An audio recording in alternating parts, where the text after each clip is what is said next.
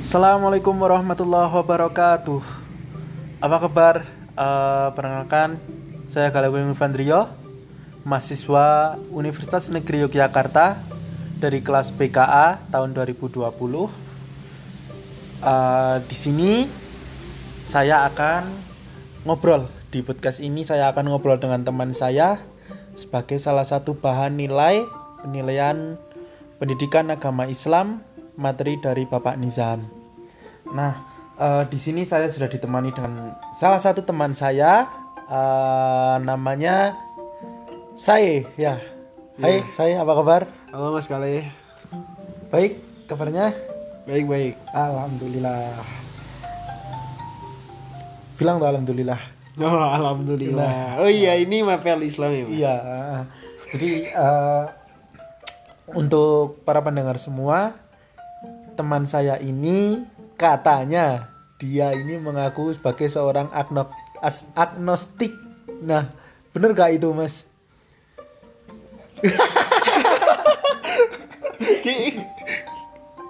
Eh, iya iya. Saya agnostik. Ya, eh, bisa di bisa digambarkan secara singkat apa tuh agnostik itu?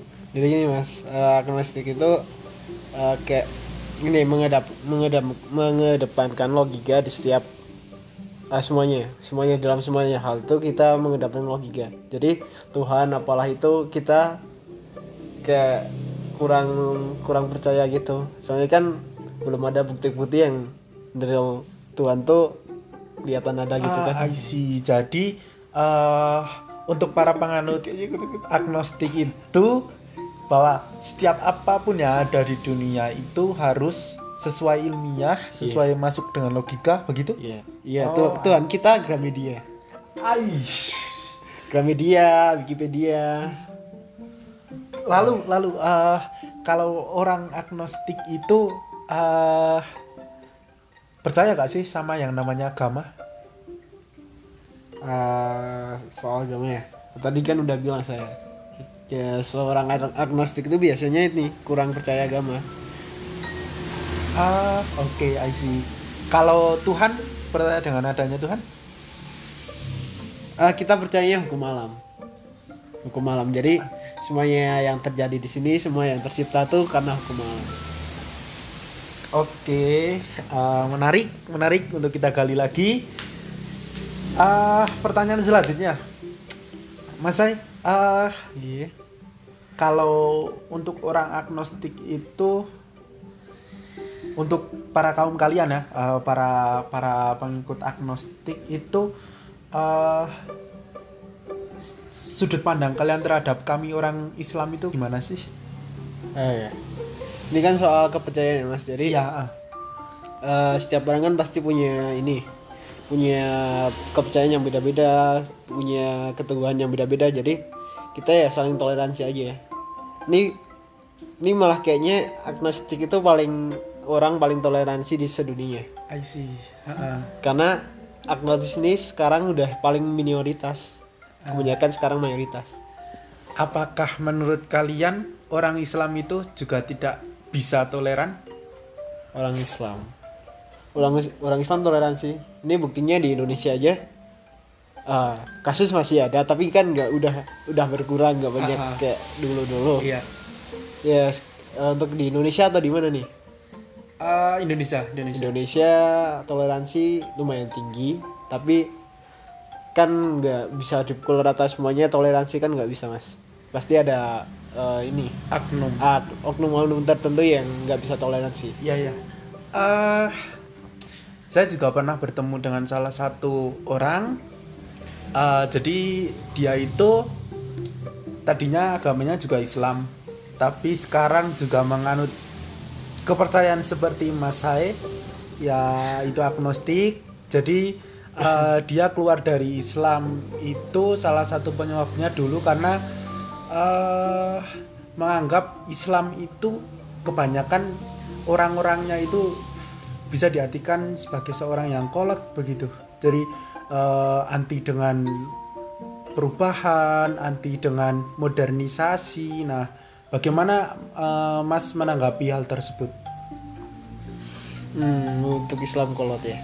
saya juga pernah mempelajari Islam mas jadi yang di buku yang pernah saya baca tuh Islam nggak mengajarkan seperti itu malah mereka tuh mengajarkan banyak toleransi banyak itulah saling menghormati jadi untuk orang kolot kolot kolot itu sebenarnya kayaknya eh, dari hatinya bukan dari agamanya mas Hmm, Oke oke. Eh, ya saya setuju juga karena eh, karena isu globalisasi itu emang mengundang berbagai banyak perdebatan di masyarakat ya. iya eh ya kalau yang buat setuju ya mereka berangkat dari pemahaman bahwa globalisasi merupakan sebuah kejadian yang harus diterima. Begitu. Iya, iya. Sedangkan orang-orang yang eh, tidak setuju dengan globalisasi itu eh, mereka cenderung melihat sebagai akibat yang timbul dari globalisasi tersebut. Begitu. Nah, eh menurut Mas isu-isu yang berhubungan hari ini seperti eh,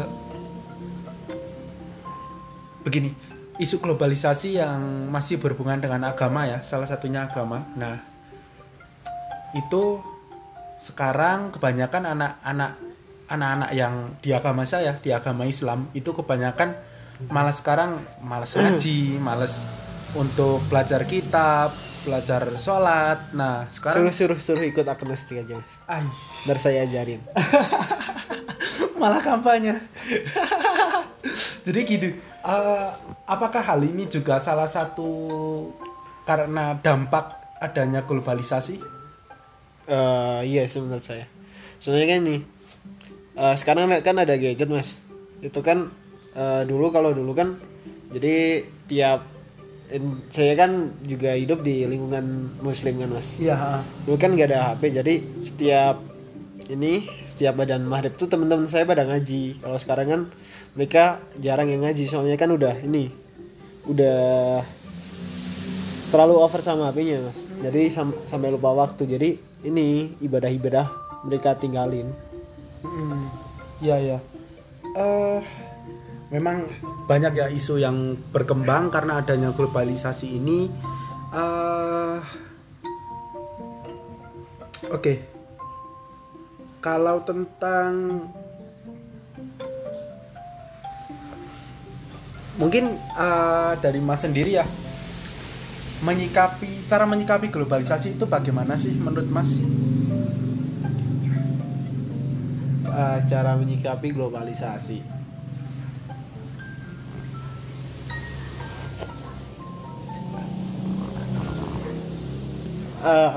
Oh ya mas, bentar saya mikir dulu mas. Iya ya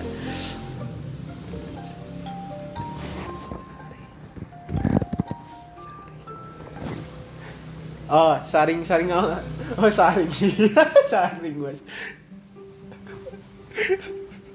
Cara menyikapi globalisasi. Iya, saring. Jadi eh, setiap in- informasi yang kan ini di globalisasi sekarang kan semua informasi bisa menyebar luas dengan cepat kan, Mas.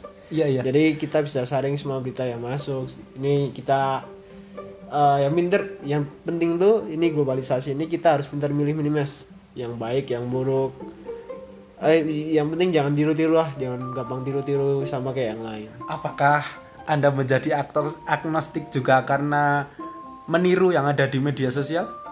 Eh, dikit, dikit mas, dikit. Nah, eh, Kayak kemik- pemikiran saya tuh kayak ini, jadi ke ke apa ya? Mas? terbawa dengan yang ada di media sosial. Iya. Nah, eh, nah, oke, Eh, menarik menarik. Eh, mungkin kalau dilihat dari perspektif pandang agama saya, ya dari agama saya loh ini. Nah, hal seperti itu bisa dikatakan sebagai hal negatif dari globalisasi. Iya, iya. Nah, eh apa tanggapan Mas tentang hal itu? Tentang tentang apa nih? Ini globalisasi eh ya salah satunya orang-orang yang sekarang kalau kalau beberapa orang yang bilang itu mereka eh, over aware terhadap toleransi jadinya mereka lupa akan jati diri begitu Ya sih, iya, iya, iya, kayak gitu sih.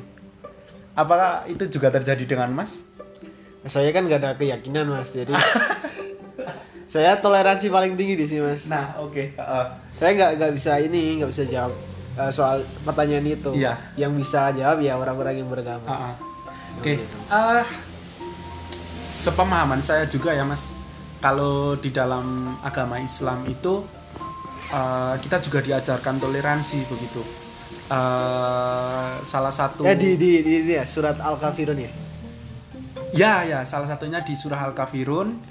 Uh, waktu itu Nabi Muhammad kan yang uh, sebagai suri toladan kami itu uh, ditawari itu apa uh, perjanjian agama begitu. Jadi uh, hari ini agama saya, hari ini agama kalian. Nah, jadi ganti-gantian deh Nah, eh, tapi kalau menurut saya ya, eh, tol- batas toleransi itu eh, ada, batas toleransi itu ada sampai agama itu masih menoleransi sesuatu tersebut.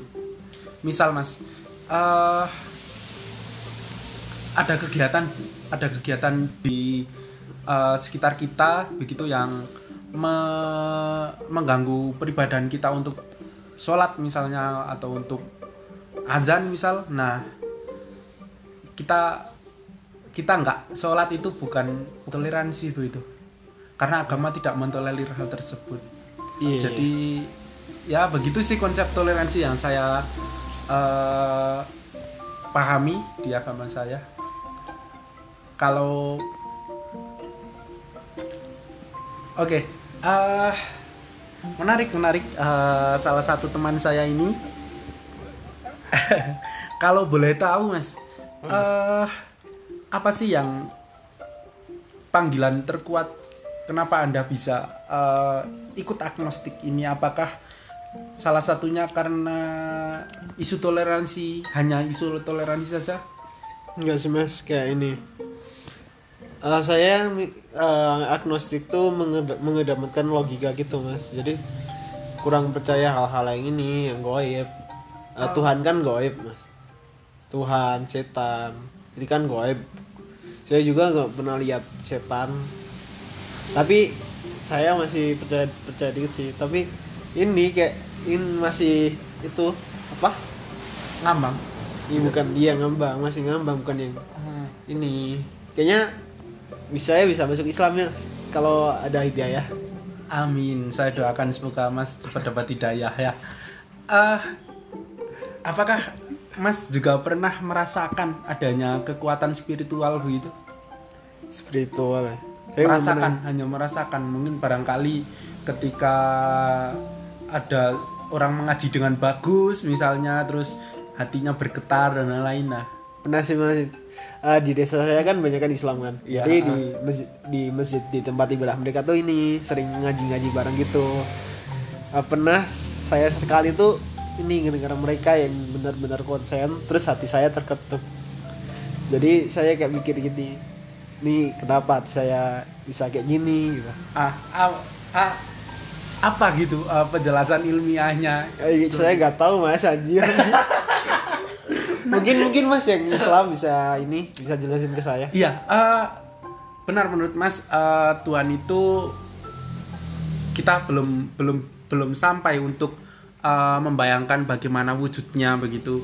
Eh, menurut saya kehadiran Tuhan itu kita rasakan begitu bukan? Eh, dirasakannya gimana mas? salah satunya juga seperti Mas itu tadi. oh.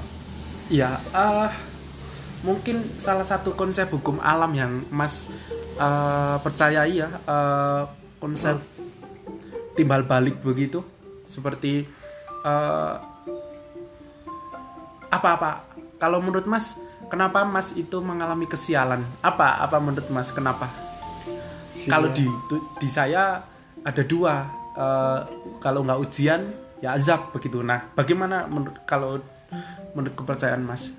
Eh, itu sih saya ini eh, percaya hukum timbal balik yang tadi mas katakan. Nah, ya eh, hampir sama sih, hampir sama juga eh, bahwa Islam itu juga mengenal konsep hukum timbal balik. Ah, tapi namanya beda aja ya mas. Azab Eh, gitu.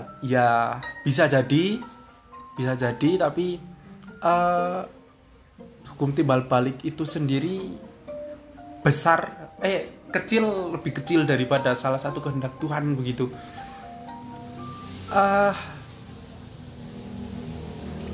ya menarik sih menarik. Uh, mungkin sekian aja ya mas. Uh, Iya, saya mau ini mau ibadah. sholat oh ayo ibadah. Nah terima kasih mas eh, atas kesempatan pada waktu ini. Iya, Eh, iya. terima kasih sekali. Sekian. Eh, saya Galaku Infandrio pamit undur diri. Wallahu muafiq la apa Assalamualaikum warahmatullahi wabarakatuh